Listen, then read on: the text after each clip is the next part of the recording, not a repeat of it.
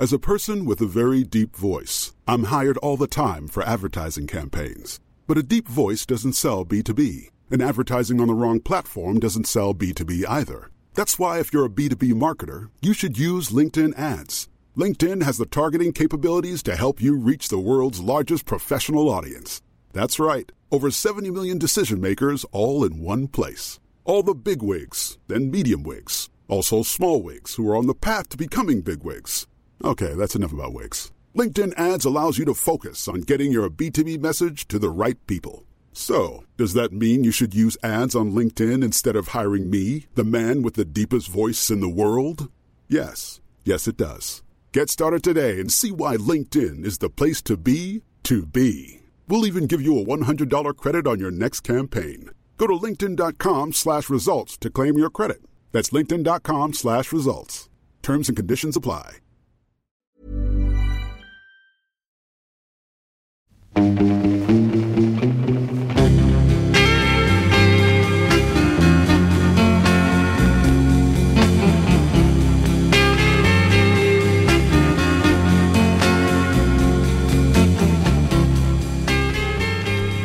Välkomna till Glappet. Jag heter Fredrik. Och jag heter Matilda. Du, det här är ju en podcast för oss föräldrar som eh, önskar att vi hade lite mera koll. Ja, stämmer.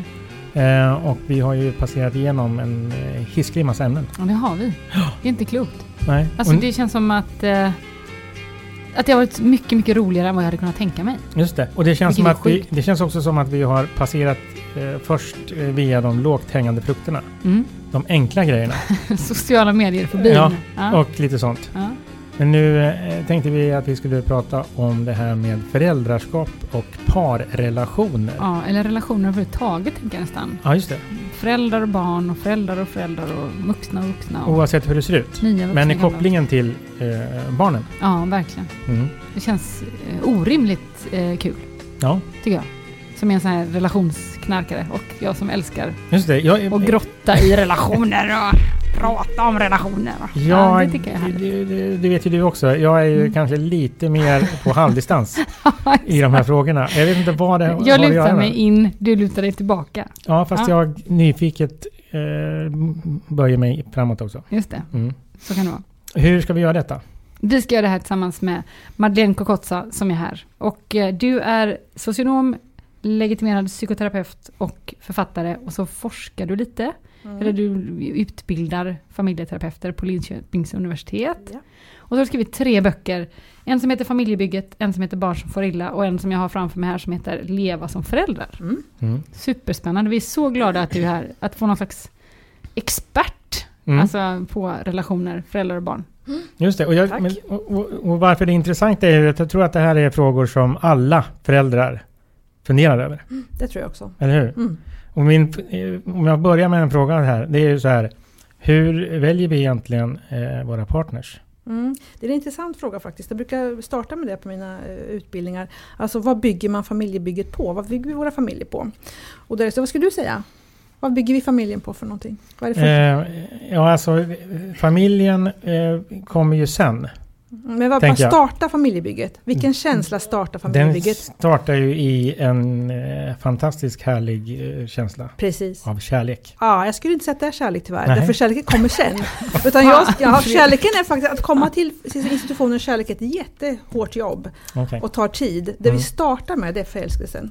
Och vi, ja, och vi gillar förälskelse. Den är Alla härlig. tycker, ja, härlig, känslig. Men den går ju över. Mhm. Hur lång tid tror du att det tar innan den går över? Ett och ett halvt år. Mm, ungefär ett och ett halvt till två brukar Här har man jag läst på. Jag som gillar relationer. Och det är så att inom ramen för de där två år har vi oftast börjat bygga. Då har vi börjat bygga, vi börjat tänka att vi ska bli föräldrar ihop, vi ska liksom skaffa lägenheter, boenden. Vi går ihop i den där tiden. Och jag brukar säga att det är, en, det är ett vanskligt företag. Därför att man kan bli förälskad i precis vem som helst. Tillräckligt hungrig, tillräckligt sugen så kan du börja måla den där andra bilden hur som helst, den andra personen. Mm. Eh, och börja sätta igång med familjebygget. Och sen när det där avtar då känslan så, är, så börjar du se vem som är Men menar du att man gör det för tidigt då eller? Precis, man, gör, man borde vänta egentligen. Två år innan man gör någonting överhuvudtaget. Ingen, ingen commitment överhuvudtaget innan två år. Det vill säga inte vi ska ha barn, vi ska flytta ihop, vi ska vänta till allt har gått över och sen får vi se vem som döljer sig bakom känslan. Och det roliga är, vad gör människor då när de har satt igång familjebygget? i förälskelsen och sen avtar känslan och så står det en person där framför. Ja, vad gör vi då när vi tänker va? Vad är, liksom, vad är den, här, den här personen? Vad börjar man göra då? Störa ihjäl sig. Störa ihjäl sig och förändra. Man börjar, kan, men du, jag tycker inte att du ska... Och så börjar vi förändra varandra istället. Mm. Och det blir som en, en ja, man är inte nöjd. Så att jag skulle önska att man kunde vänta de där två åren till, mm. till man vet vem som är där bakom. Men det är det vi bygger i alla fall familjebygget på. Det eh, var ju en väldigt bra början det här. Eh, jag känner genast att jag har gjort alla fel ja. Eh, på en gång. Sen om vi fortsätter så blir du förälder och då har vi precis samma sak. Man liksom startar sitt föräldrateam, man blir förälder tillsammans med någon som man egentligen då inte har en aning om. Jag brukar säga att det är ett förbund i blindo. Man har ingen aning om vem är den här andra som pappa. Man vet ju knappt vem man är själv som förälder. Ja, om man då har eh, skyndat för fort. Ja, e, e, even så vet man ju faktiskt inte riktigt. Man vet ju inte själv, hur är jag som förälder? Hur blir jag som mamma eller Aha, pappa? Okay, det vet vi ju inte riktigt. Det är först när vi får barnen som vi tänker, oj, blev jag sån här? Mm. Och så ska du liksom bygga tillsammans med någon som inte heller har en aning om hur den blir. Så det är ju ett Det verkligen... låter ju som ett helt omöjligt Ja, men ibland så tänker man, alltså, jag, det är inte lätt att vara familjebyggare då, liksom, att hjälpa människor när, när det är på sån här ostadig grund. Mm. Så därför har vi mycket att göra. Mm. Mm. Och hur, hur, när du eh, hamnar i de här diskussionerna med par då, då, som befinner sig i den här situationen, vad fokuserar man då mest på från början? Ja, alltså det beror på lite vad dilemmat är, men, man kan säga att det, det, som är viktigt att skicka med människor är att förstå att par, par, liksom, parrelationen är en sorts relation som man har. Föräldrarelationen är en annan, man är ett föräldrateam och de där två hänger inte ihop. Alltså man, mm. Oavsett vad man har i sin parrelation så måste man faktiskt fungera som föräldrar till sina barn livet ut. Jag brukar säga att föräldraskapet idag kanske är den enda relationen som är tills, tills döden skiljer oss åt. Mm. Den kommer man aldrig undan. Och då är det ju så att man måste förstå hur viktig den är ur barnens perspektiv. Man måste vårda föräldraskapet mycket liksom varsamt och i allt det som det innebär. Men det låter som att, att, då, att ingången i parrelationen skynda långsamt och se till att göra det här så att det åtminstone räcker 18 år när man blir förälder? Ja, eller vänta, ta det långt. Ta, ta, och, parrelationen så att säga, man startar en förälskelse och sen har ju alla en önskan om att det ska bli kärlek. Alla längtar efter kärleken och bekräftelsen och allt det där. Nu låter lite ironiskt men det är för att i relation till vad vi längtar efter så är vi väldigt dåliga på att bygga. Man tror liksom att det går, så jag brukar använda en kärlekstratt som metafor i mina böcker och mina terapier. Det vill säga, jag tänker en tratt och så massa rör och så en kran. Och väldigt många när de blivit förälskade ställer sig vid kranöppningen och tittar, blir det någon kärlek, blir det någon förälskelse, vad blir det liksom för, för utfall? Mm. Men väldigt få tänker på att det man stoppar i kommer också ut. Alltså stoppar du inte i någonting i kärlekstratten så kommer det heller ingenting ut. Vi, vi som har någon förväntning av att det ska bli kärlek utan att vi gör någonting. Men, men, i, men i, i, i förälskelsen så behöver man ju inte hälla in någonting. Nej, just det. Men det är ju bara de där ett och ett halvt åren du inte behöver. Så du måste du jobba som tusan. Och det är då mm. människor liksom slutar lite jobba eller tänker jaha, liksom, var det inte mer? Ja men sätt igång då. Det är då du måste arbeta med din parrelation. För det här tycker jag är det som är jobbigt eh, med en parrelation. Eller liksom, jag har varit inne på det tidigare att jag har en lista över grejer jag önskar att jag inte visste. Liksom. Till exempel att eh, du bara kan förändra dig själv. Det är ju skitjobbigt att man vet det. För hade folk bara kunnat ändra sig som man själv instruerade dem så hade ju ens liv varit jävligt mycket härligare. Men, men det här är ju en annan sån grej. Att, att, liksom, att det är ett jävla jobb att ha en relation. Mm. För liksom normen och bilden som vi matas med många gånger är ju så här. Det är så enkelt och det är mm. liksom kärlek vid första ögonkastet och det är liksom härliga solnedgångsbilder på Instagram och det Och så sitter man själv liksom i sitt harv och ska fylla på kärlekstratten och man bara jag är trött och har ingen inspiration. Mm. Och tittar på det här tv-programmet eh, Gift vid första ögonkastet. Nej, det tittar inte jag på. Nej.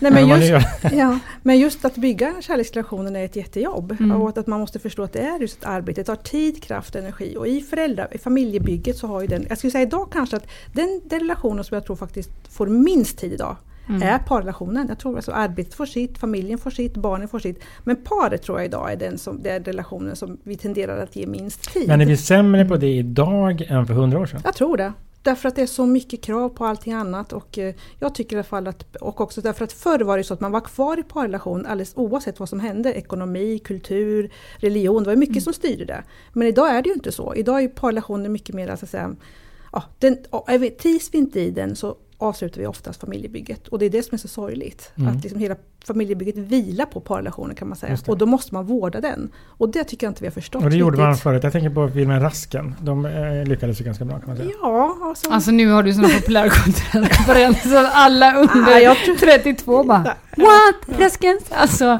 nej nej nej. Det var samma med en före detta arbetsgivare som hela tiden drog Hasse och Tage-referenser på Ja, okej. gymnasieskolor. Det var så nej. Det, vi kan inte hålla på med Hasse och Tage-referenser på gymnasieskolor. Det är fel målgrupp. Ta någon annan film. Nej, Vad menar du Fredrik? Nej, jag menar att eh, även om man har bilden av att eh, det förr i tiden också var väldigt tidsansträngt. Med bonden och du vet, ut och jobba Mm. hela tiden. Och, jag menar, det, eh, jag undrar om det, är liksom, det- är det sån stor skillnad Ja men egentligen? en sån tid tror jag exempelvis gemensam, alltså man är hemma mycket mindre tillsammans. Förr hade man söndagarna, det var ju en dag som alla var hemma. Eh, där man inte hade en massa eh, kupper eller aktiviteter. Jobbet tar mycket mer tid, folk är på after work. Jag vet inte allt vad människor liksom ägnar sig åt i sina arbeten. Och, och till slut, liksom, vad är kvar? Det är också en tidsfråga. Jag tror vi har mycket mindre tid därför att allting annat står och skriker och gapar. Jag menar familjen gapar, fritidsintressen gapar, alla ska springa och sporta och lägger ner oerhört mycket tid på så mycket saker. Och det vill säga ingenting om det, men om man ser relation till hur man vårdar sin relation så är det liksom hur många lägger tid, Mm. alla de där timmarna på, som, på sin relation som man ägnar åt sig själv eller barnen eller vad det nu är. Så att, Mm. jag tror bara att den är liksom, man, vi har glömt den och, och mitt arbete är ofta att återinföra partid, kvalificera partid då man bara är man och kvinna eller liksom par, kvinna, kvinna, man, man med varandra. Ett par som återupplever de här första liksom, Har du några sådana här, nu tar jag över din roll Ja faktiskt, exakt, jag känner det. Men jag älskar att du går igång på det här ämnet. Jag säger så här, fire away Fredrik. Ja, jag tänker så här. Har du några eh, konkreta tips till hur man... Eh, Ja. Jag har jättemånga tips. ja. Det är därför liksom jag skriver Det är det. böcker och håller på och jobbar. Jag har så Det är mycket tips. du är här. Vilket vill du ha? Men alltså tipsen är enorma därför att folk är så dåliga på det. Så därför blir det enkla förstås då. Så här, tragiskt enkla. Men en sån sak är att, att när man frågar med par, här, har ni någon kvalificerad partid? För jag säger att jag kallar det för kvalificerad partid. Det vill säga att man Mm. bara är jag och du. Inte eh, familjen, släkten, eh, bröllop med hela allihopa. Inte parmiddagar och sånt. Nej, utan bara man är ensamma. För, Mm. att, för det är då man liksom ikläder sig den här rollen som man hade från början. Så jag paret som, som står där tillsammans i sin, och kan börja samtala, alltså fortsätta samtalet som man hade, det där som är unikt för oss två. Att vara sensuella, sexuella och liksom allt det där. Det kan man bara vara ihop nästan när man är liksom utan barn, för vi är ju inte våra barn. Sån tid krävs exempelvis. Jag brukar säga i snitt tre gånger per år måste par ha det där. En höst, en vår och en sommar. Att man faktiskt gör. Och, och det behöver inte vara så att man gör någonting annat än är hemma och lämnar bort sina barn. Var, varje par får välja vad de vill göra på sin tid. Men någonting måste man göra där man bara är liksom tillsammans. Det låter inte som en omöjlighet tre gånger per år. Nej men du, jag kan tala om för dig att det är klippt ibland omöjligt att få par att göra det. Mm. Till och med när de kommer till mig och det är verkligen kris, alltså i relationerna, så, Mm. och där man jobbar med det, så kommer de tillbaka. Men har ni planerat någon partid nu då? Ja, det Men jag tänker så här att det blir liksom som en ond cirkel Mm. tänker jag. Att liksom man, man har liksom inte så trevligt i sin relation och så söker man parterapi och så tänker man så här, nu ska det ändå bli bättre. Och så säger den här människan så här, ja men om ni bara umgås lite grann ska ni se. Och typ den snubben, eller man är där med, är ju kanske den sista människan man vill umgås med för att man har kommit till för att det är så jävla kass. Alltså förstår du? ja, alltså, det blir, också, det blir lite så här... eh, Jo, fast oftast har man ju ändå liksom en längtan tillbaka till, annars lägger vi av, annars säger vi okej Ja. då får vi skilja oss för det är ingenting att hålla på där om det inte finns. Nej. Förutsättning för att börja är att bägge två uttrycker jag vill. Ja. Jag vill liksom återupprätta min parrelation, jag tycker inte Mm. om som det är. Man är hemma på kvällarna, var och en sitter i olika soffor, på olika ställen, tittar på olika telefoner, alltså Mm. slutar pussas, kramas, går och lägger sig olika tider. Liksom ibland finns det ingen partid, finns inget par att hitta liksom. Mm. Och bägge två tycker att det är jättetråkigt men har inte kunnat säga, få tillbaka Ja, sätta igång motorn som gör att det faktiskt går igång igen på Mm. olika sätt. För det är ju härligt att ha en levande parrelation. Det är därför man liksom lever i par. Absolut. If there's a will, there's a way. Mm. Ja, bra. Det är så. Ja. Så, att, d- eh, så egentligen ditt exempel här, då är det redan kört. Okej, då ska man skilja Ja. sig. En sån sak du Eller pratade vet om. inte. Eller lämna varandra, Ja. eller hitta på något Kanske. Nu pratar vi om när man ska bygga. Och Ja, då tycker jag så här liksom att en annan sån sak är ju eh, lunch. Alltså alla är jättefiffiga på att äta lunch med sina kollegor och kompisar. Men hur många äter lunch med sin, med sin partner? Just det. Det gör du. Jag gör det. Ja, det är Yeah. jättebra. Eller frukost. På Lusetts i Min, Stockholm. det, alltså, min första reaktion när jag hörde det var så här, men då- då ses inte ni. Nej, inte, inte som par. Nu vet, nu vet du varför den är viktig. För de syns inte som par. Plötsligt. När de kommer hem då är man mamma och pappa. Mm. Man är projektledare och det är något helt annat. Då går vi omkring där våra liksom trasor och jobbar och sliter. Och, ja, ni vet, det är en helt annan liksom person man har framför sig på ett sätt då. Mm. Och den här liksom, ja, ofta är det så, folk piffar till sig och gör sig liksom härliga när de går till jobbet och så kommer de hem och alla är trötta och slitna och bara är där. Ja men det är inget bra. Man behöver också få se den där sidan av varandra under andra tider. Mm, absolut. Mm. Så det, men det tycker jag är ett bra tips faktiskt. Det funkar för oss. Alltså än så länge. Ja, just det. Ja. Här vågar vi inte lova något. Men, eh, och vi kommer säkert tillbaka till det här området med par, parrelationen eller konstellationen, vad det nu är. Eh, men det finns ju också den här kopplingen till eh, barnen. Och hur kan en dålig icke-fungerande relation påverka föräldraskapet? Finns det sådana Ja, liksom, riktlinjer? I teorin kan man säga, det jag skriver om i mina böcker, teoretiskt måste man ändå förstå att föräldraskapet är ju någonting annat. Det är ju till för barnen. Och man riktigt, tycker jag, de, de eh, föräldrar som förstår vad föräldrateamet betyder för sina barn låter liksom parrelationen träda tillbaka. Oavsett hur man har i sin parrelation så, så är man schyssta föräldrar. Man tar inte igen liksom, nu är pappa borta så nu gör vi som vi vill för att man är arg på honom. Mhm. Eller nu liksom mamma hon, hon bara tjatar och gnatar, nu är hon inte här, nu gör vi någonting annat. Det är liksom att ta igen sin, sin eh, surhet i föräldrateamet och det är inte bra för barnen. Så parrelationen är en sak, Ja. föräldrateamet Ja, eller familjeteamet är ett annat. Föräldrateamet. Och det är, därför, det är därför ur barnens perspektiv, om föräldrar är gifta eller inte, spelar ingen roll. Eller Mm. sammanbor, det spelar ingen roll. Det är oväsentligt på ett sätt ur barnens perspektiv. Det viktiga är att man har ett föräldrateam som är sam, samarbetar och fungerar väl ihop. Det är liksom det som är det viktiga för barnen. För det tänker jag också är viktigt att säga eftersom vi har lyssnare som har massa olika eh, typer av familjekonstellationer. Att det är, så här, det är inte det är inte parrelationen som sådan eh, när det handlar om familjebygget. Utan då är det liksom den konstellationen man satt ihop för att vara ens familj. Sen om det är liksom Ja, det kan ju se olika ut. Precis, ja. eller om det är liksom hetero eller homo eller andra Nej, typer av Par egentligen, ofta när man pratar om par så tycker alla att man är reaktionär och konservativ och gammaldags. Då brukar jag säga att det är inte alls det, för par säger ingenting. Det är två människor som lever ihop. Det kan vara precis vad som helst. Jag har inte definierat det som, inte i någon kön, inte i någon liksom relation, utan det är ett par som, som har valt att leva ett liv ihop liksom i, i erotik och kärlek och lust. Mm. Sen kan det ju se ut hur som helst. Mm. Mm. Men precis som du säger, det är just att, att, att kanske att, att man liksom förstår att föräldrarna är viktiga och att man inte då ger avkall på det. Så att man lever i nya relationer så finns det då människor som slutar eh, tänka och verka för sina barn. Och det får man ju inte göra. Man får fortsätta vara förälder oavsett om man lever i par med den som man är, så att säga, har fått barn Mm. ihop med eller inte. Och där tycker jag kanske att vi, vi, är för, vi ser det för lite ur barnens perspektiv. Det vill säga Mm. de är så beroende av föräldraskap som fungerar. Just det. Och jag tänker om man då tänker att man har, liksom, man har försökt fylla på den här kärlekstratten och man liksom, det kommer inte ut någonting ur kranen utan det är så här, nu är det kört, vi behöver eh, liksom skilja på oss. Eh, vad har du för, liksom, hur tänker du kring det? Vad har du för erfarenheter och finns det liksom råd att ge när man ska skilja sig eller separera eller liksom lämna den där familje, alltså det familjebygget Ja. som bygger på parrelationer? Ja, men många kommer just för att man vill, man vill liksom hitta bra sätt att skilja sig på. Man vill liksom fortsätta ha en bra dialog.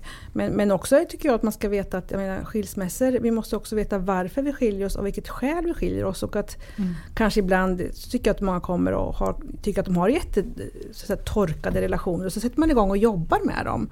Och så ser man wow, liksom, vad man kan göra. Så att det är också viktigt att inte ge upp för Mm. tidigt och inte ge upp av fel skäl. Ibland, så att man kan, ja, Nej men just det, men det kan ju Mm. finnas goda skäl. När man har goda skäl Och så... vad så ja, men, ja, men då ska man ju tänka på att oavsett vad man tycker om den andra personen, oavsett hur man har det, så är man liksom ett, så måste man vara förälder. Mm. Jag brukar säga så här, en, en myt är ju det här med varannan vecka-boende. Att man, man tänker liksom, vi ska vara föräldrar varannan vecka. Vi ska, barnen ska bo varannan vecka. Men, men man har blandat ihop det, tycker jag, med att barnen ska bo varannan vecka med att man är varannan vecka förälder. Man Mm. är förälder varje vecka. Man kan aldrig liksom säga att du, jag är inte förälder den veckan, vilket en del gör Mm. bygger nya relationer och säger ja mina barn ska bara vara här varannan vecka. Och när jag möter barnen som då lever i det här och inte vill vara på det sättet så, så blir det jättesvårt för dem att, att uttrycka det här. Jag brukar säga, lova aldrig i någon ny relation att du ska ha dina barn varannan vecka. För det kan du aldrig lova. Nej. Att förstå att man är förälder hela tiden oavsett om man lever ihop med barnets förälder eller inte, så att säga, med den andra. Mm. Mm. Så det är Man en är, sån har ständigt jour.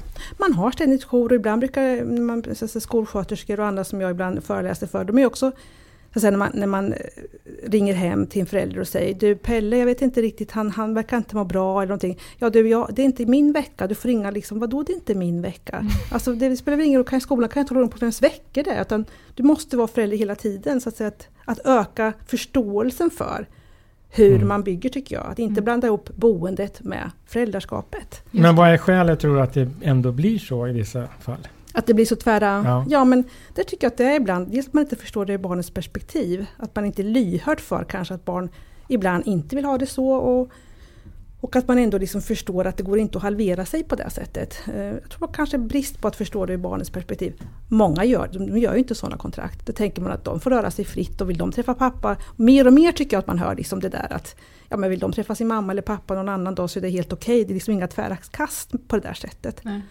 Men just att man, inte, att man inte låter ilskan och besvikelsen i separationen så lite som möjligt gå över i föräldraskapet. Det är konsten egentligen, för mm. barnets skull. Hur tänker du kring, som, för jag tänker att det blir ju ett liksom, trauma för barnen, vare sig man vill eller inte. Eh, tänker att det blir, eller trauma kanske är fel ord, men det blir en väldigt stor händelse i alla fall eh, i ett barns liv, tänker jag, när ens föräldrar delar på sig kanske. Mm. Eh, finns det andra så här, hänsyn man ska ta, eller ska man tänka på någonting när man pratar med barnen, eller finns det liksom dos and don'ts kring det? Nej, alltså det är många som kommer och vill, och vill prata om hur man gör. Och det, är som, det är det vanliga, man pratar med sina barn, man berättar vad de vill ungefär, det de kan höra, beroende på vilken ålder barnet är i. Ja. Så det är mycket åldersberoende på vad man säger och hur man gör. Men, ehm, men att man också säger saker som, som är, barn, är begripligt för barnet, som stämmer mm. med barnet. Liksom, med det det upplever. Att mamma är ledsen för att det är pappa som vill gå eller vice versa. Ibland ska man liksom vara lojala med varann jag tror på en ärlighet till barnet så att de förstår vad det är som händer och så. Men det Just viktiga... Det, är man inte överens om själva separationen då kan man säga det. Att jag tycker vi man ska säga det. överens om det här men vi har kommit fram till det och ja, vi vill göra det bästa som ja. vi kan för det. Liksom. Mm. Det eftersom det ändå kommer i fatt eh, längre upp ja. i åldrarna. Ja. Och sen också att inte ha så bråttom. För jag kan tycka att en separation tar liksom ändå två år får man räkna med. Man måste tänka sig för familjen att gå in i stadium nummer två, det vill säga nya relationer, nya familjer det tar ju tid, både för parten som blir lämnad när det är så och för barnen.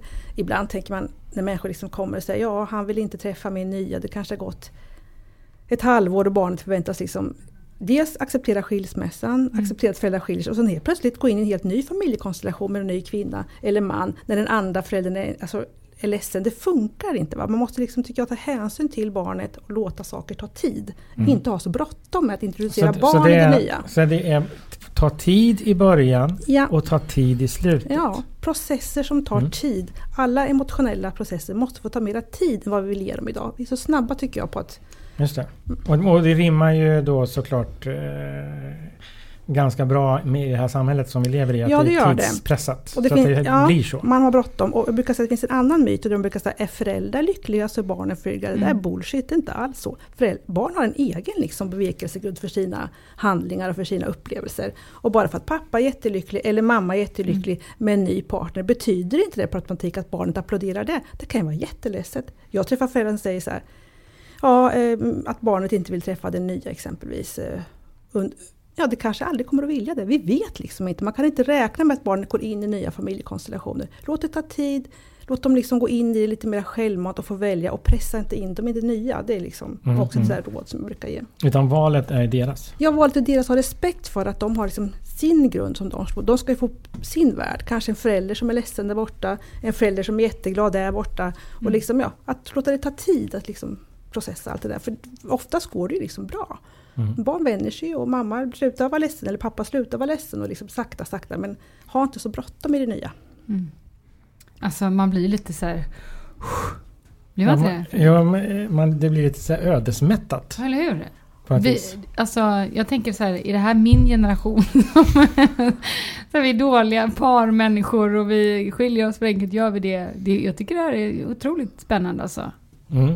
Ja, men jag tänker då om vi backar tillbaks till den här. Om vi säger att det ska ta tid mm. och vi då skiljer oss för snabbt. Eller vad man nu ska säga. Att det finns saker att reparera trots att man inte tror det. Mm. Vad eh, brukar de vanligaste råden vara för att få det att funka igen? Alltså bortsett från att hitta kvalitetspar eh, relationstid Ja, men jag tycker att, eh, så att säga, det finns en, en, en the point bottom no return som jag brukar säga. Och det är liksom den punkten där det inte går längre med terapi. Har man väl bestämt sig för att skilja sig så går det ju inte. Man måste Okej. komma innan beslutet är fattat. Och det är Mm. ofta så tyvärr att människor kommer ju när man har fattat sitt beslut så ska man göra ett sista försök att gå i parterapi. Mm. Nej, det funkar inte. Man måste komma innan om man ska reparera. Innan man bestämmer sig. Mm. Men en sån viktig del det är dialogen. Alltså att man faktiskt, jag brukar tycka att det är lite sådär, ja, när man träffas, när människor är förälskade, då pratar alla så in i helskotta. Åh, liksom, munnen går varm och alla, åh, vi, så bra vi kan prata med varandra, man kan prata med varandra, åh, han är så bra på att prata, hon är så bra på att prata. Mm. Och sen med åren så liksom, nej, då tystnar det. Alla blir tysta. Ämnena tar slut. Ämnet tar slut och i Sverige har vi en väldigt tyst kultur när det gäller emotioner. Vi pratar ju inte generellt mycket om våra emotionella liv skulle jag säga. Det är, liksom, det är väldigt tyst kring det här, speciellt Det- för det- män skulle jag säga. Det där känner jag väldigt väl Ja. igen faktiskt, om jag ska vara helt ärlig. och, och, då menar jag att, och sen, eh, vad händer sen? Ibland, ja, men då träffar man någon ny. Åh, vi- han är så bra på att prata. Ja, det man glömmer är liksom att det här är just det där, att vi föräldrar, så jag brukar säga vänta lite.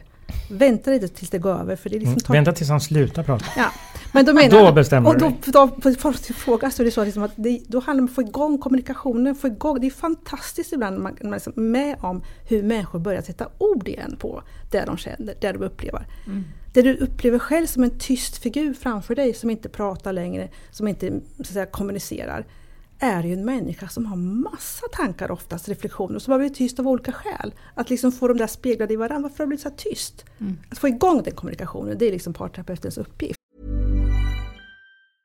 Hey, I'm Ryan Reynolds. Recently, I asked Mint Mobile's legal team if big wireless companies are allowed to raise prices due to inflation. They said yes. And then when I asked if raising prices technically violates those onerous two year contracts, they said, What the f are you talking about, you insane Hollywood ass? F- So to recap, we're cutting the price of Mint Unlimited from $30 a month to just $15 a month. Give it a try at mintmobile.com slash switch. $45 upfront for three months plus taxes and fees. Promo for new customers for limited time. Unlimited more than 40 gigabytes per month. Slows. Full terms at mintmobile.com. Mm. Och jag tänker också att en del i liksom parrelationen är ju det som du var inne på också initialt. Så här, det finns ju också en närhet och det måste finnas sex och det måste finnas Mm. ett, liksom, som också är en del av just parrelationen, inte föräldrarelationen. Eller en kompisrelation. Liksom. Hur ska man tänka där?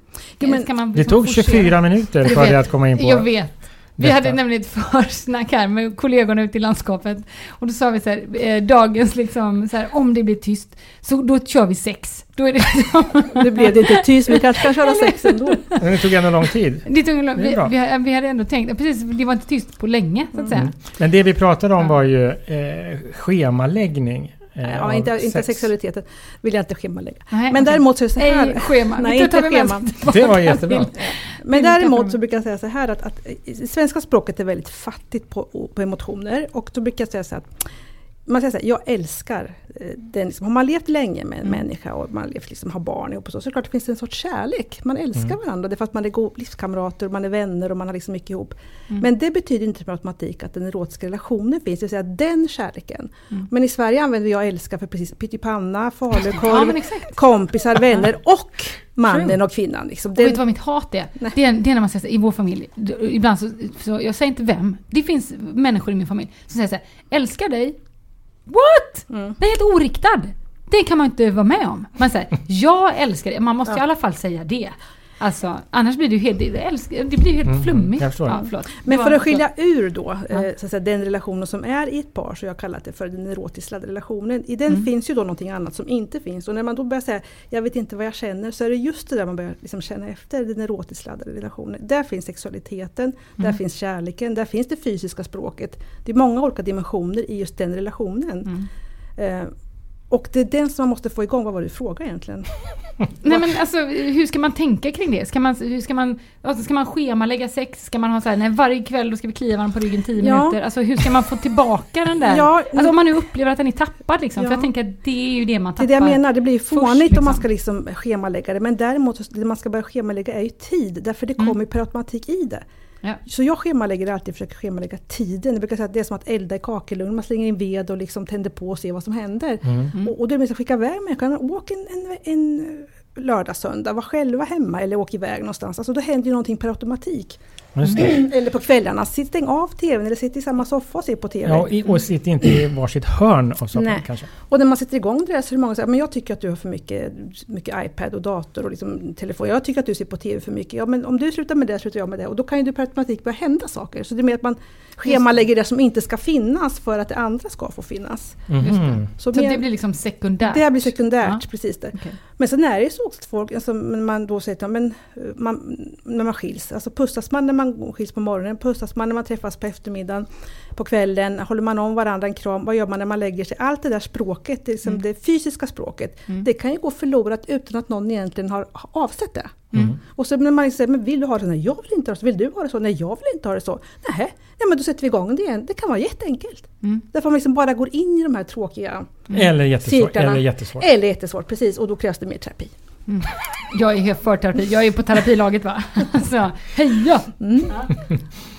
Eh, Jag, jag var, det jag brukar också prata om. eh, Jag var och pratade med min skolsköterska första gången jag var, gick fyran. Mina föräldrar har alltid sagt så här, prata med folk, prata om det. Fredrik och jag, vi är lite o- olika här. Ja. Eh, Men jag tänker också på... eh, Men jag brukar pr- prata väldigt bra om sådana här saker som jag tycker är jobbiga i en podcast.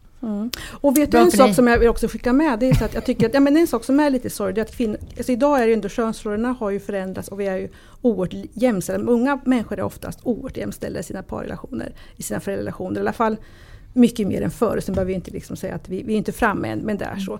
Men någonting som jag tycker så vi behöver utveckla mer, det är just männens alltså också förmåga att uttrycka emotioner, att ha flera arenor som det sker på. För jag tror fortfarande idag är det så att kvinnor pratar väldigt mycket med varandra, med tjejkompisar och kvinnor, alltså det kvinnliga alltså nätverket. Ehm, och man pratar med varandra. Medan män eh, har, inte, har inte samma liksom, arenor. Och det gör ju att kvinnorna blir så duktiga på det där. De snackar och sätter ord på känslor. Medan männen gör det mycket sämre. Mycket mer sällan menar jag. Och då blir det också två stycken som möts lite ojämlikt i när man pratar om relationer. Vanan Ja, helt enkelt. men den, när jag som parterapeut ger liksom väldigt mycket tid åt män att faktiskt uttrycka sig så är det liksom precis, det finns ju exakt samma liksom uttryck Mm. i män som i kvinnor. Vad man känner och upplever. Det är bara liksom att man är, det är en föreställning vi har. Mm. Så jag brukar säga, fast människor tycker inte, att, säger- tycker inte håller med mig om det, andra terapeuter, men jag brukar säga att jag tycker att terapirummet är rätt så könslöst. Mm. Därför att män som kvinnor faktiskt uttrycker sig på, på samma sätt. Bara de får tid och någon som vill ha det ur dem, som Mm. förväntar sig att det går. Just. Så män behöver liksom bli bättre tror jag på bli oftare uttrycka emotioner. Du sa Ja. något väldigt roligt här eh, innan programmet. Då sa du att du eh, väljer, kanske likt eh, inga andra, att vara arga terapeuter. Eh, Vad menade du med Nej, det? men jag, tyckte det var lite roligt därför att den arga snickaren eh, som är på TV så brukar jag säga ibland, ja ibland känns det som arga terapeuten. Nej, men det är mer för att man tycker liksom att om du, om du kommer till, när vi vet att det är på det här sättet i relationer och man vet exempelvis att ehm, man behöver tid i sin parterapeut, i sin, tid i sin, i sin parrelation. Med sin parterapeut. Ja, just det. Man behöver tid i sin parrelation. Ja. Då kan, då kan jag bli som, då blir jag, det kan störa mig då, då blir jag arg. Liksom. Om du nu vet att det är så och sen kommer du till en gräns där, där du inte lägger någon endaste timme på din parrelation och sen blir du jätteledsen för att håller på, alltså någon vill gå, någon träffar någon annan, någon liksom träffar någon som ser en och då tycker du åh det är så sorgligt. Ja, men du kan bli så trött på människor. Mm. Tänk på det innan. Innan liksom, därför att här får du redskapen. Mm. Eh, då menar jag terapirummet. Mm, Då kan man gå i terapi, betala dyra pengar för, liksom sin, för sin terapi och ändå lyssnar man inte på sin terapeut som säger ni måste göra så här. Mm. Och då brukar jag ta i och det brukar hjälpa. Var tydlig. Var tydlig precis, och våga vara tydlig. Min profession är ju, det är ju därför jag också skrev böckerna. Därför att eh, läkare i medicinska världen är mycket bättre på att säga rök inte för då får du cancer. Gör inte sådär för då händer det där. Liksom, de förebygger med sin kunskap. Familjeterapeuter är ju sämre på det. Så då tycker jag liksom att inte bara använda teorier när det går åt pipan utan också använda dem för att faktiskt förebygga både föräldraskap och familjebygge. Men det är väl en jättebra tv-uppslag det här eh, faktiskt. Vi det kan göra den här ett podden. arga, Ghost TV. arga kocken, Ja, arga arga snickaren. Ja. Menar, kring saker som är ganska obetydliga egentligen. Och det är ju det du menar egentligen. Mm, det Att det här när är man- viktigt. Ja, jag tycker kanske om man ska vara kritisk tycker jag att faktiskt man använder i sådana sammanhang så tycker jag att man använder icke-professionella personer att uttrycka sig om föräldraskap, parrelationer. Jag menar vi har ju liksom journalister Strömstedt som springer omkring och intervjuar par. Alltså det var ju massa fiffiga idéer, ja. Men varför inte låta de professionella liksom även där vara Mm. de som faktiskt Just får, det, får scenen. Är det någon notifiering som jag tycker det blir jättesorgligt. För Mm. mig är det det som... Också när Camilla Läckberg används för att prata om, eh, om föräldraskap så tycker jag, aha. Mm. Som sen går hem och skriver om mord. Ja men jag menar, vi, vi, Mm. vi är en bunt personer som kan det där lite bättre. Varför inte använda oss mera som röst när det faktiskt är så? Mm. Mm. Jag tänker att du skriver också i, i boken, tycker jag var spännande, just kring småbarnsåren. Mm. Eh, och så skriver du någonting i stil med att här, man får inte separera typ innan barnen är två år. Mm. Undantagstillstånd råder. Ja. Kan du inte berätta lite om det? Jo men alltså när, när, när par får sitt första barn, det här småbarnsåren, och det är sitt andra. Från det man är ett par till att man liksom blir kanske en och tvåbarnsförälder så är det en revolution. Ni förstår, från att liksom hela dagen, vad ska jag göra idag, vad är jag sugen på idag, liksom man har sig själv. Och sen till två barn som ska, liksom, ja ni vet allt vad det innebär, och familj och så. Det är ett jätte, en jätteskör tid. Mm. Och att då när par kommer till mig och säger jag tycker inte jag har någon bra parrelation, säger men vänta lite nu, alltså håll inte på med det där. Utan nu måste du försöka liksom bygga din familj och se till att strukturerna, man hittar föräldraskapet, man hittar partiden, man hittar liksom hur man ska göra allt hemma. Det är jättesvår tid. Mm. Att då tycker jag att då skilja, och då, det sorgliga är att de flesta skilsmässorna sker då. Mm. När barnen, innan barnen är fyra år, då, då, då har vi de flesta skilsmässorna. Mm. Och det är ju oerhört sorgligt, därför att då tror jag också, skiljer sig verkligen par utifrån sin parrelation? Eller Mm. skiljer man sig för att, det, för att man inte har förstått att det där är en väldigt jobbig period? Mm. Mm. Det är då jag menar, varför går inte, jag som parterapeut eller som familjeterapeut tycker Mm. att det är min skyldighet att gå ut och säga Vänta, gör det inte då, Mm. därför då vet du inte så mycket om din parrelation.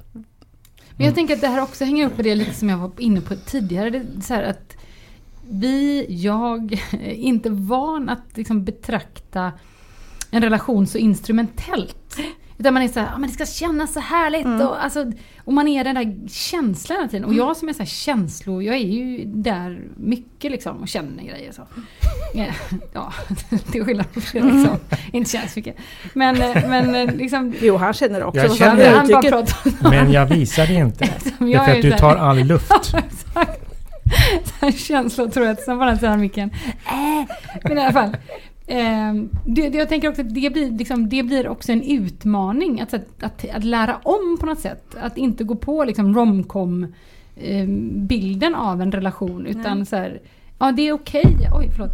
Eh, det är okej att liksom pausa kännandet Mm. för att bli förälder är en kris och det kräver att du bygger upp en helt ny identitet Mm. och liksom och att det är lugnt. Och, och Liksom. precis det du säger då, att om man, om man då som där är de där fyra åren, säger man får ett, två barn och man har igång med sitt familjeprojekt. Man ska utarbeta, det skriver jag om, leva som förälder. Ursprungsfamiljen, sina Mm. föräldrar ska man hantera på ett nytt sätt. De, alltså jättemycket olika roller som skapas. Att då börja fundera över om man, man har en bra parrelation eller inte och skilja sig då, det är ju jag skulle säga, ja, det, det tycker jag, nu ska jag inte använda något ord som jag ångrar sen, men jag menar, låt bli det. Utan det är en jättetung och svår situation. Håll ut, härda ut, Mm. bygg och liksom tänk på massa annat och försök att ha en bra parrelation. Men ge inte upp då. Nej. Därför att då, då är ju per automatik känslorna är ju inte åh vad fantastiskt vi har det, åh vad underbart, åh liksom vad härligt. Utan det är åh vad det är tungt, slitigt, svårt, Ja, men det är tråkigt. därför man kommer dit. Jag menar det. jag. Och du menar den, den, att man uttrycker på det sättet får man inte gå på den känslan och tro att, att man har en dålig relation eller att det inte är bra. Mm. Utan mer förstå det hör till livscykeln och inte till... Du, en, bara Mm. en helt annan en parentes. Kom, får, träffar du ibland par som inte har barn eh, som kommer till dig och ber om råd om eh, eh, hur de, om de ska skaffa barn? Ja, De eller, går i de tankarna. Typ. ja, eller par som, som funderar över att deras relation är dels inte, inte tillräckligt bra. Mm. man tycker, ska vi verkligen skaffa barn när det ser ut så här mellan oss? Mm. Ibland finns det par eh, som, eh, där den ena säger Och, vad- och vad säger du då?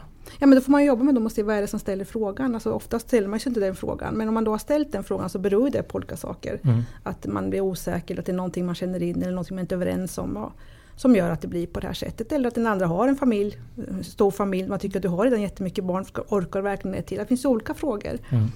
Men också ibland är det så att en inte vill ha barn. Det kan ju vara så, jag vill inte ha några barn. Alltså, och det där kan ju också bli problem då när den andra vill ha sådär. Ja, Mm. Det är lite Mm. olika. Jag tänker också, nu tangerade vi det här innan Fredriks fråga. Men det skriver du också om i den här Leva som föräldrar, det här med svärföräldrar och liksom egna föräldrar. I att när man får barn så föds ju de in i någon slags ny familj, alltså den här parrelationsfamiljebygget. Eh, och sen så har man ju då de här andra vuxna runt omkring som man på olika sätt är beroende av eller vill ha i, i barnens liv och, och sådana saker. Eh, och jag tänker att det är väl en fråga som alla någon gång har brottats med. Så här, jag orkar inte åka till svärföräldrarna. Mm. Eller så här, hur ska man tänka kring det? Det är ett helt kapitel i det jag där faktiskt. Jag tycker det är så alltså bra. tredje, tredje generation, Läs det. Ja. alltså tredje generationen är ju, det förs ju tre, den tredje generationen, liksom, det är morfar, morfar, farmor och farfar. Och de har ju en egen plattform som de ska stå på. Det vill de, de är inte föräldrar, de är morföräldrar. Men väldigt många är sugna på att börja om. Alltså de är, väldigt många går in nära och fortsätter bara vara föräldrar. Har inte respekt för den där gränsen som man faktiskt måste ha mot, mot de nya familjebyggarna. Och att det här att det är liksom riskfyllt då att ha en väldigt duktig mamma eller pappa som kommer in och oj, liksom tar över alltihopa och, och är trygg och bra. Utan, så att familjebyggarna behöver vara duktiga och eh, känna trygghet i det. Så, och det uppstår jättemånga olika konflikter kring hur man ska göra. Det är oftast så exempelvis att man blir förälskad i motpartens sätt, familjekultur, det vill säga det kanske finns någon som träffas, ringer sin mamma varje dag eller ringer sina föräldrar jätteofta och blir oerhört attraherad av någon som inte alls har någon kontakt med sina. Och vice versa, tycker wow vad häftigt att du liksom har det för det har inte jag. Och det är jättemysigt när man är förälskad. Vad händer sen? Sen börjar man reta sig på, ska du ringa varje dag till din morsa? Ska hon veta allt vad vi gör? Ja, ska du inte ha kontakt med dina föräldrar överhuvudtaget? Nej. Och så startar kriget. Och just det att jag pratade om att man kan inte kriga för det är olika familjekulturer, det är olika sätt att vara på. Att man måste hitta tredje vägen. Det vill säga, hur ska man hitta någonting som passar oss utifrån de vi är och det vi bär med oss in. Så att väldigt många börjar slåss och börjar också, också din familj är tokig, galen, du har inte liksom börjat sjukförklara varandra, man hör allt möjligt konstigt. när det kanske bara handlar om att man faktiskt är olika Ja, det visar sig att ingen var sjuk alls. Nej, oftast är det ju inte det. Utan liksom sjukliga, för, ja, alltså man, man kan ha kontakt med, sin, med sina föräldrar varje dag. Det är inte sjukligt i sig. Man kan ha det en gång om året, det är inte heller sjukligt. Utan vi lever ju olika sätt. Mm. Men man måste ju komma överens i sitt par om hur ska vi ha det. Mm. Ska, du fira jul, ska vi fira jul med dina föräldrar varje jul? Ja, men ska vi inte fira med mina föräldrar? Klart vi måste. Mm. Ja, det är olika sätt att göra det på. Hur ska man göra? Men eh, många svärföräldrar tar ju på sig eh, rollen som far och morförälder. Mm. Eh, att kunna det här. Särskilt kanske med första barnet. Ja. Eh, hur ska man förhålla sig till det? Ska man Nej, säga jag- stopp? Ja, jag tycker man ska Eller säga nej. stopp. Och just det här att man... Jag, funderar på att skriva eh, tredje, eller familjebygge, skriva om den för den är slut nu. Men, och då kanske skriva kapitel just till tredje generationen så att de begriper att de måste steppa bort. Mm. Alltså gå in på det där sättet, det är faktiskt att kränka sina egna barns. Det är väl inget bra att du själv är en stor och duktig mamma eller pappa och kan allt. När du har två föräldrar, de är ytterst ansvariga i sin familj. Det är de som ska vara starka, stora i sin familj inför sina barn. Att köra över dem så, det tycker Just jag det. är väldigt kärlekslöst på Mm. ett sätt. Och, va- och det är ofta egna behov, man tycker det är kul, wow, liksom, livet börjar bli lite trist när man kommer in i den här liksom, sista livscykeln, barnen flyttar hemifrån, ja vad ska man fylla det med? Ja, och så det. kommer det till barnbarn, då kan du liksom wow, nu är vi igång igen och gör det. alltihopa. Trots att det skiljer liksom 30 år mellan Många blir sugna va? kunskapen. Och då måste man säga vänta lite Mm. och steppa tillbaka. Nu är du inte mamma eller pappa, nu är det morfar och mormor och då får du liksom anpassa dig till, Mm. till de här behoven.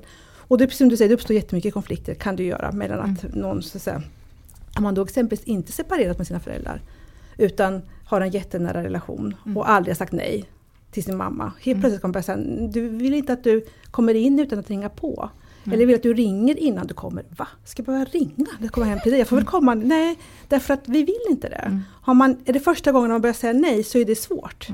Mm. Icke desto mindre måste det göras. Därför vad händer annars? Då kanske den här, liksom, det man lever ihop med börjar höja röster och säga Jag gillar inte att du kommer hit på det här sättet. Och så får man en konflikt. Ja. Mm. Så att, ja, det är Jag mycket. tycker du skriver så bra, jag ska citera här. Eh, Du har skrivit så här i en liten eh, liksom, tipsruta. Var och en har att sätta gränser mot och eh, nu ska vi se. Var och en har att sätta gränser mot och ansvara för sin egen ursprungsfamilj. Det går inte att smita undan det ansvaret. Nej. För det tycker jag också just det jag måste sätta gränser mot min familj, eller min ursprungsfamilj. Och det är liksom, det, jag kan aldrig lägga det ansvaret på någon annan, inte på mina barn, inte på min man, inte på, utan så här, det är mitt ansvar. Mm. Eh, det tyckte jag var en, en så viktig påminnelse. Det är ju inte rocket science på något sätt, men för mig var det en viktig påminnelse. Och, Om, och att många smiter undan det där. Va? Man ser, alltså, diskussioner, ja men exempelvis vi tar det när man kommer hem och så plockar man upp barnet som ligger och sover. Mm. Och, och då, då, då jag kan tycka då som den ena föräldern kan säga, tycker det är fel att din mamma kommer hit och plockar upp hur som helst det här liksom barnet. Ja, och, och då kan den här andra föräldern bli lite, liksom, ja jag vet inte vad jag tycker, och säga ja det tycker jag också, fast å andra sidan. Alltså man måste vara klar, tycker du eller tycker du inte det? Mm. Och sen får man ha diskussionen sinsemellan. Mm. Och inte liksom fega ur och låtsas som att man inte tycker något eller tycker båda. Mm. Då kan det lätt bli komplicerat. Men är det en sån sak som man ska liksom resonera om innan? Ja, eller när den uppkommer skulle jag säga. Att inte tro, alltså varje sån här eh, sak som uppkommer är ju ett uttryck för att man är olika på olika sätt. Mm. Och istället för att bara liksom stoppa in alla och tänka att de går över, de går inte över. Utan man måste ju lösa dem. Hur ska vi göra? Vad tycker du? Och vad tycker jag? Och vad är bäst för oss? Och sen liksom sätta gränserna utåt. Mm. Eh, Man mm. tänker ju så här som eh, i en parrelation och eh, familjeteamet och föräldrarollen och allting att eh, undra varför det inte funkar här så bra. Eh, alla andra tycks ju få det att funka hur bra som helst. För det ser jag på Instagram Mm. och Facebook. Mm. Jag har ju ett kapitel i boken som he- heter Myten om den lyckliga familjen. Och Mm. det är ett skäl till att, ytterligare ett skäl till att jag skrev de här böckerna är ju att i sociala medier så framställs ju familjebygget, både parrelationen, att bli förälder och att ha en familj och ha ett par eh, vanskligt. Alltså vi har bara de lyckliga bilderna, de trevliga bilderna, de positiva bilderna. Och, de här, och det är ju inte att bygga familj, det är inte att vara förälder utan livet i sig är ju mycket mer komplicerat. Familjebygget är ibland väldigt roligt, ibland för jäkligt komplicerat och svårt. Det gör ont och det gör gott. Allting finns ju. Semestrar blir bra och de blir tråkiga. Men hur många säger att vi hade en jättehemsk semester den här sommaren, den var vidrig. Nej, liksom, vi tillåts ju inte uttrycka det där som faktiskt inte är bra. Och det skapar myter. Så när människor då har de här stunderna av hopplöshet, eh, tycker är tråkigt, svårt, inget roligt, det känns inte hoppfullt, det känns liksom olyckligt. Då tror man att det liksom inte tillhör normaliteten. Mm. När det är precis det som är liksom, att ha familj, är att ibland är det på det sättet. Mm. Så jag tror att det är jätteviktigt att förstå hur, att vi inte jag brukar säga, min, alltså jag är ju född i Sverige, mina föräldrar kommer från Italien och där har man en helt annan kultur kring att prata om emotioner. Där bråkar man öppet. Jag menar om ett par kommer till en parmiddag och är osams så fortsätter kriget. Alltså då bråkar man fortsätter bråka men i Sverige är det inte så.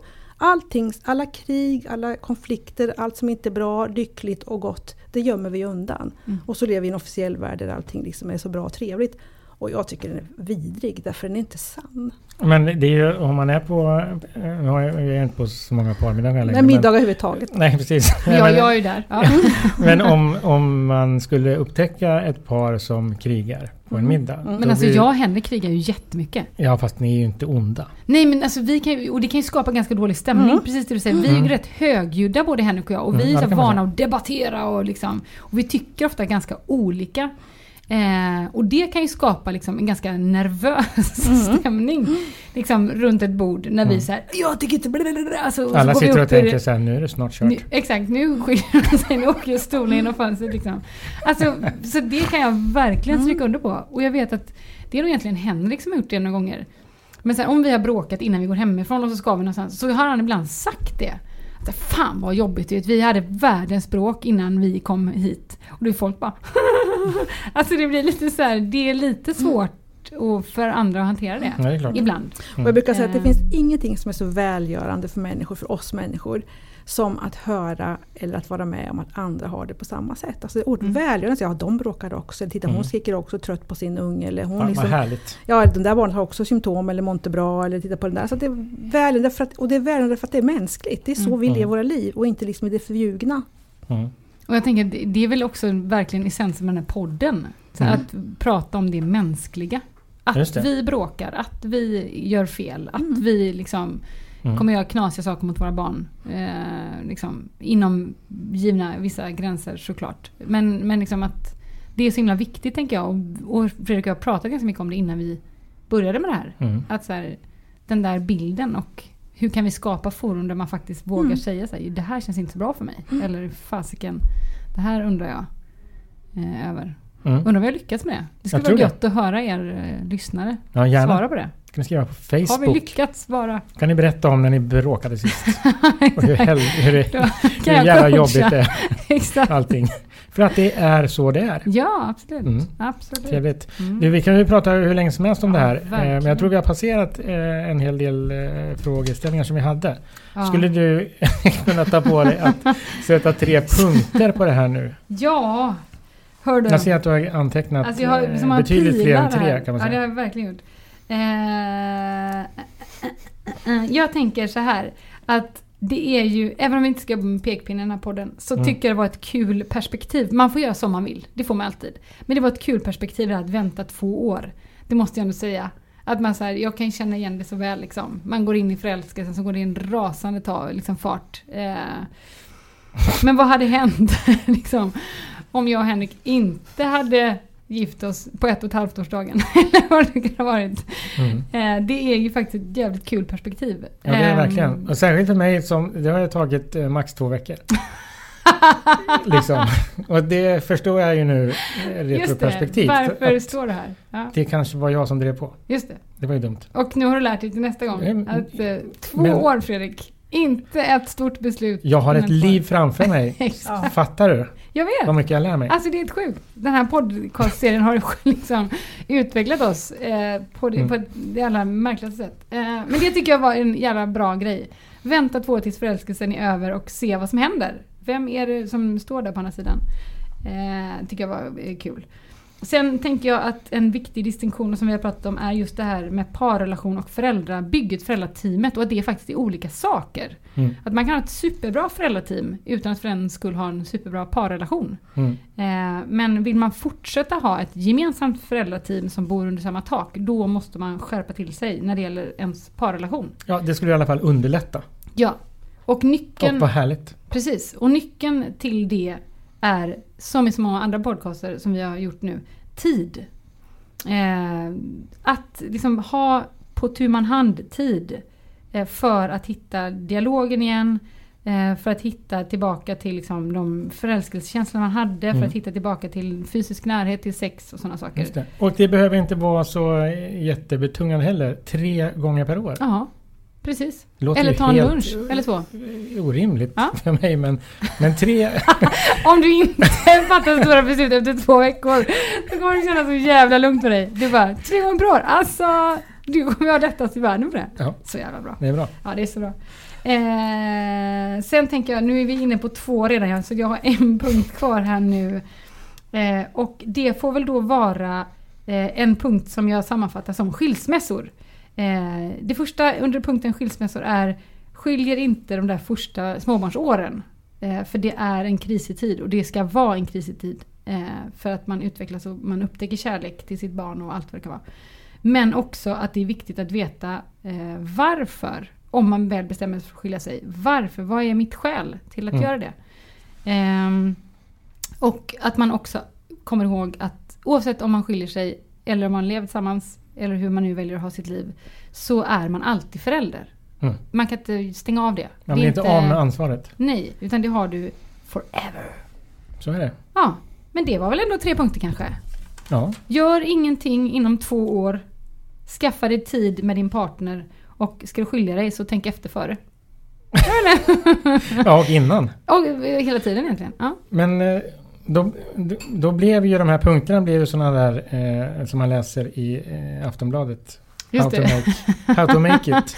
How to make it. Men att det finns ju såklart eh, vidare resonemang här. Och att det finns experthjälp att tillgå Ja. om, det, om man verkligen vill. Verkligen. Vill man och inte så vill man inte. Nej precis, och återigen inga pekpinnar. Behöver man lämna en relation, då lämnar man en relation. Behöver man stanna i den och vill det, då stannar man i den. Eh, Det viktiga hela tiden är dialogen. Med dina barn, med Mm. din föräldrapartner. Liksom vi, vi, vi är vare sig pro eller emot eh, skilsmässor eller att man lever tillsammans eller hur man nu vill leva. Det, vi gör som Man vi gör vill som man för vill. fan. Just det. Men dialogen hela tiden, att Bra. tala om det. Mm. Härligt. Något det här, att lägga det- till Madeleine? Ja. Nej, nej, jag tycker det är en strålande sammanfattning. Mm. Jag har armarna i luften nu. Som Exakt. ett V-tecken. Ja. Och jag, jag tycker att det här var, blev det mest eh, nyttiga och mest intressanta programmet. Mm. Och då ska man veta att innan programmet så var jag livrädd. Jag visste inte ens vad jag skulle eh, tänka. Jag såg framför mig den arga terapeuten som skulle komma in här. Och, Ja, men det var ju dish, dish, dish, dish. Men eh, det var ju inte alls så. Nej. Det var väldigt bra. Och jag tänker att du också fått svar på några, eller så dina frågor idag. Ja, Ja, det tycker jag är superbra. härligt. Mm. Tack så mycket för att du kom. Ja, Tack själva. Och lycka till med boken. Och nästa bok Precis. om extra. svärföräldrarna, det var ju Mm. väldigt spännande. Ja, verkligen. Ja, och eh, vi hörs snart igen. Det gör vi. Mm. Tack. Hej. Hej. Hej.